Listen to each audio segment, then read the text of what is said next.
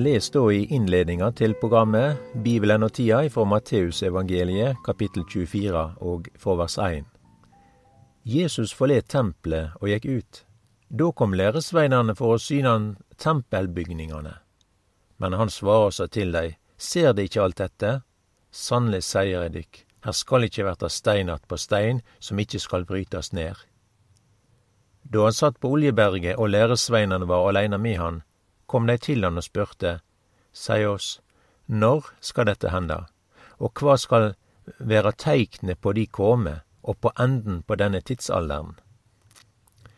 Eh, Jesus svarer jo på disse spørsmålene her, og han gir på en måte fire tegn.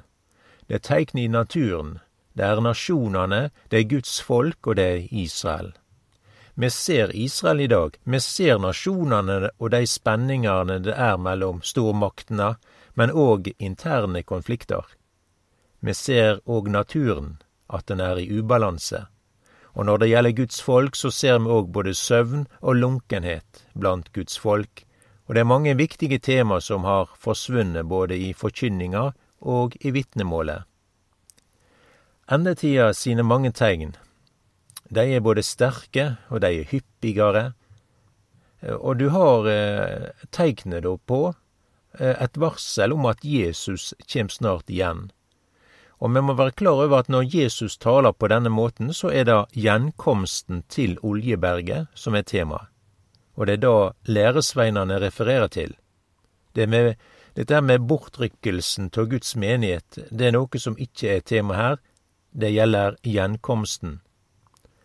Jesus hadde jo sagt dette her, eh, jeg går bort for å gjøre i stand en stad for Guds folk, og ordene er jo henta fra Johannesevangeliet 14 der og vers 2. I huset åt far min er det mange rom. Var det ikke så, da hadde jeg sagt dykk det for eg går bort for å gjøre i stand en stad åt dykk. Og når eg har gått bort og har gjort i stand en stad åt dykk, kjem eg att og skal ta dykk med eh, meg, så det òg skal være der eg er. Det står òg i vers 1 her at lat ikkje hjarta dykka uroast, tru på Gud og tru på meg. Så når læresveinane da spør her om teiknet på at Jesus skal komme igjen, ja, så er det et varsel her, da. Det er noe som indikerer at nå kjem Jesus. Vi veit ikke dagen eller timen, men vi ser teiknet på hans eh, komme. Vi sier det også i vedkjenninga at Jesus skal komme igjen. Men hva er det for tegn, og hva er det for begivenheter som ligger i kortet her? Ja, Bibelen forteller og disse skildringene her, da, som er det jo med å gjøre oss opplyste. Og det er jo med alt Guds ord. Det gjør oss opplyste. Sånn er det med profetordets lampe. Og det er jo mange som sier det på denne måten her, at dette med Johannes' åpenbaring og denne siste boka i Bibelen, at det er så ja, vanskelig, og her er det så mange meninger og, og tema i, i boka sånn, da. Og det kan nok være rett sånn, da, men Eg tror at det lett òg kan være ein unnskyldning for det å gjerne ikkje lese og ta oss tid med det som har med denne viktige boka å gjøre. For her er det et eh, mange og, og, gode, aktuelle tema. Det handler jo òg om dette her med å seire. Og den som er på seierslaget, det er å være med Herren. Den vonde, han gjør mange tiltak for å hindre Guds seier. Og det er noe som vi ser gjennom heile historien. Det er mennesker, og det er allianser, og det er styresmaktene, og det er konger, og, og så leser vi òg her Johannes' åpenbaring. Med djevelen og Antikrist og den falske profet og Satan, det reiser seg alt. Imot Gud og Guds plan, og det som har med vitnesbyrde, alt det som da har Herren har sagt. Men det som det står i boka, at det er det som er fastsett, det skal verta fullført. Og det er ingen diktator eller styresmaktene eller store og mektige allianser som seirer, men det er Guds ord som seirer. Og denne eh, seieren her er jo skildra i Johannes' åpenbaring, og jeg synes det er viktig, og jeg synes det er oppløftende. Og den er Guds seier, det er noe Gud gir til alle sine etterfølgere. Når jødene gikk ut ifra Egypten, så var det jo en farao som gjorde dette her eh, med utreise noe komplisert og vanskelig. Farao nekta jødene å reise.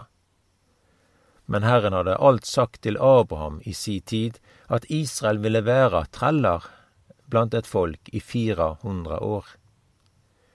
Nå var dette oppholdet i Egypten, og nå er disse årene til endes, som eh, vert omtalt som trelle kår.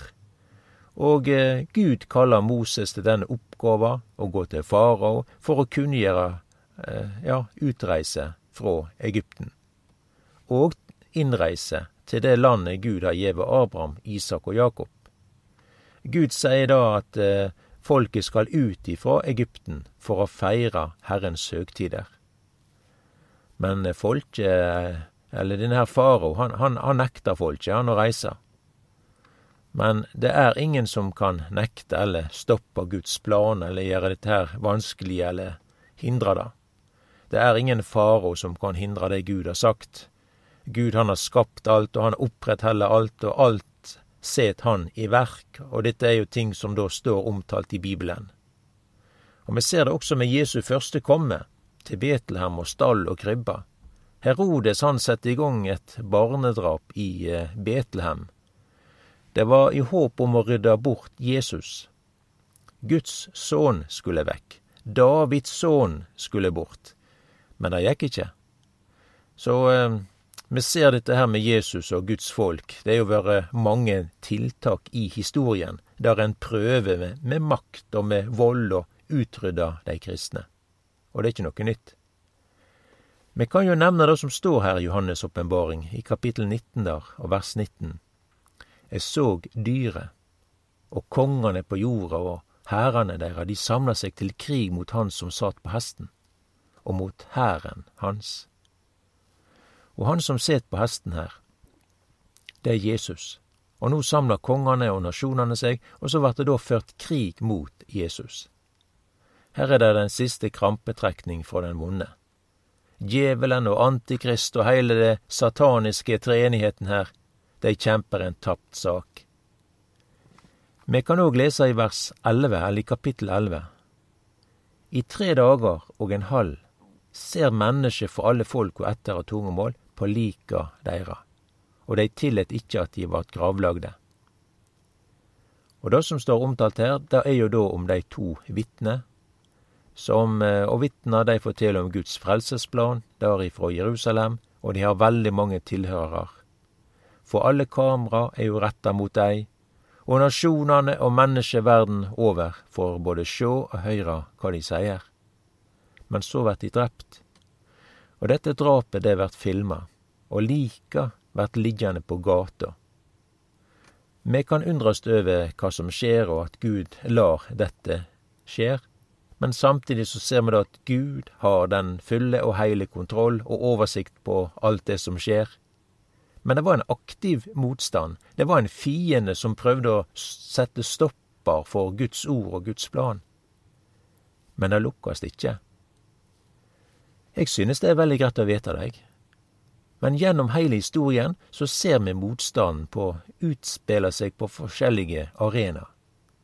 Men det er Guds ord som seirer. Så den vonde, han veit Guds plan.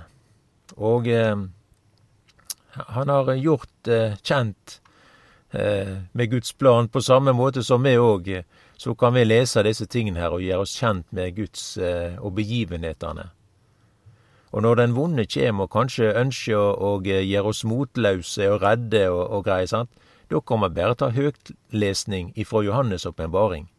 For dette er seiersboka. Det er framtidsboka. Og vi kan ha vissa om at det har vært alltid sånn som Herren han har sagt det. I dag ser vi de mange tegn på Jesu komme. Og de tegn vi ser, det er teikna som har med Jesu gjenkomst til Oljeberget. Når disse teikna er så mange og sterke, så forteller det oss at bortrykkelsen av Guds menighet er noe som er enda nærmere. Og dette med bortrykkelsen av menigheten, det er noe som skulle være mye mer framme, både i forkynninga og i vitnemålet. I et av brevene her i Det nye testamentet, da, så blir det gjort kjent i første Korinterbrev, kapittel 15 og vers 51. Sjå, eg seier dykk en løgndom, vi skal ikkje alle sovne inn, men vi skal alle verte omskapte i et no i en augneblink, ved den siste basun. For basunen skal ljoma, og de døde skal stå opp uforgjengeleg, og vi skal verte omskapte.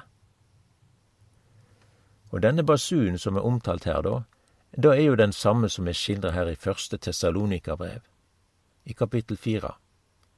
Og vi les der, For Herren sjølv skal komme ned fra himmelen med et bydende rop, med overengers røst og med Guds basun. Og de døde i Kristus skal først stå opp. Og deretter skal vi som lever som har vårt att, sammen med dei, rykkast opp i skyene, opp i lufta, for å møte Herren. Og så skal vi for alltid være sammen med Herren. Så det som her er skildra, det er noe som kan skje i dag. Vi leser jo om Enok, for eksempel, i første Mosebok der, kapittel 5 av vers 24, at Enok vandra med Gud, så vart han borte, for Gud tok han til seg. Og Enok, det navnet betyr innvigd, eller innvielse, og det var jo da han var. Livet hans var innvigd til Gud. Det var ei vandring sammen med Herren. Men så var det da en dag at Enok ikke kom til de faste avtaler som han hadde, som han ellers bledde, og de lette etter han, men fant han ikke. Og det står òg her i Hebreabrevet i Det nye testamentet, kapittel 11 der og vers 5, ved tru vart Enok bortrykt, så han ikke skulle sjå døden. Han vart ikke funnen, fordi Gud hadde rykt han bort. Før han vart bortrykt, fikk han det vitnemålet at Gud hadde hugna i han. Så her leser vi da at Enok vart ikkje funnen, så det vart nok leita etter han. Men det var jo kjent òg at Gud hadde hugnad i Enok.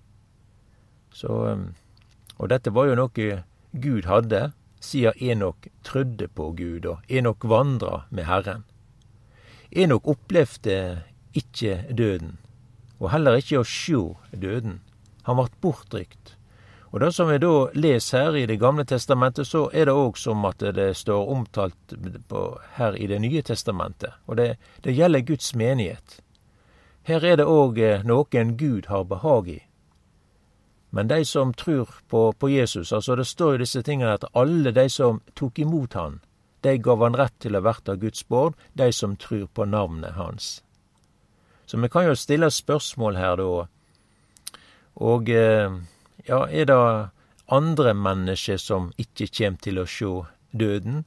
Eller er dette her noe som er en engangssak når det gjelder Enok og denne skildringa? Og da kan vi svare på denne måten at uh, dette her er, har nok med Enok å gjøre. At det er noe som skjedde én gang, sånn da. Men det er et forbilde. Og det som det er et forbilde på, det er Guds menighet. Og eh, det er noen som ikke kjem til å sjå døden. Apostelen Paulus han skildrer jo, jo, disse tingene her sånn som vi leste, at sjå, eg, eg seier dykk en løgndom, vi, vi skal ikke alle sovne inn, men vi skal alle verte omskapte i et no i en augneblink, ved den siste basun, for basun skal ljoma, og dei døde skal stå opp uforgjengeleg, og vi skal verte omskapte. Og jeg tror at disse tingene her er en begivenhet som kan skje hva tid som helst. Og disse tingene som vi nevner sist her, da, så har ikke da noe med Jesu komme til Oljeberget og hans gjenkomst, men det har å gjøre med at Jesus henter alle de som tror på Han, og eh, de som vandrer med Herren. Med overengels røst og med Guds basun, så henter Herren menigheten heim i et nu, i en augneblink.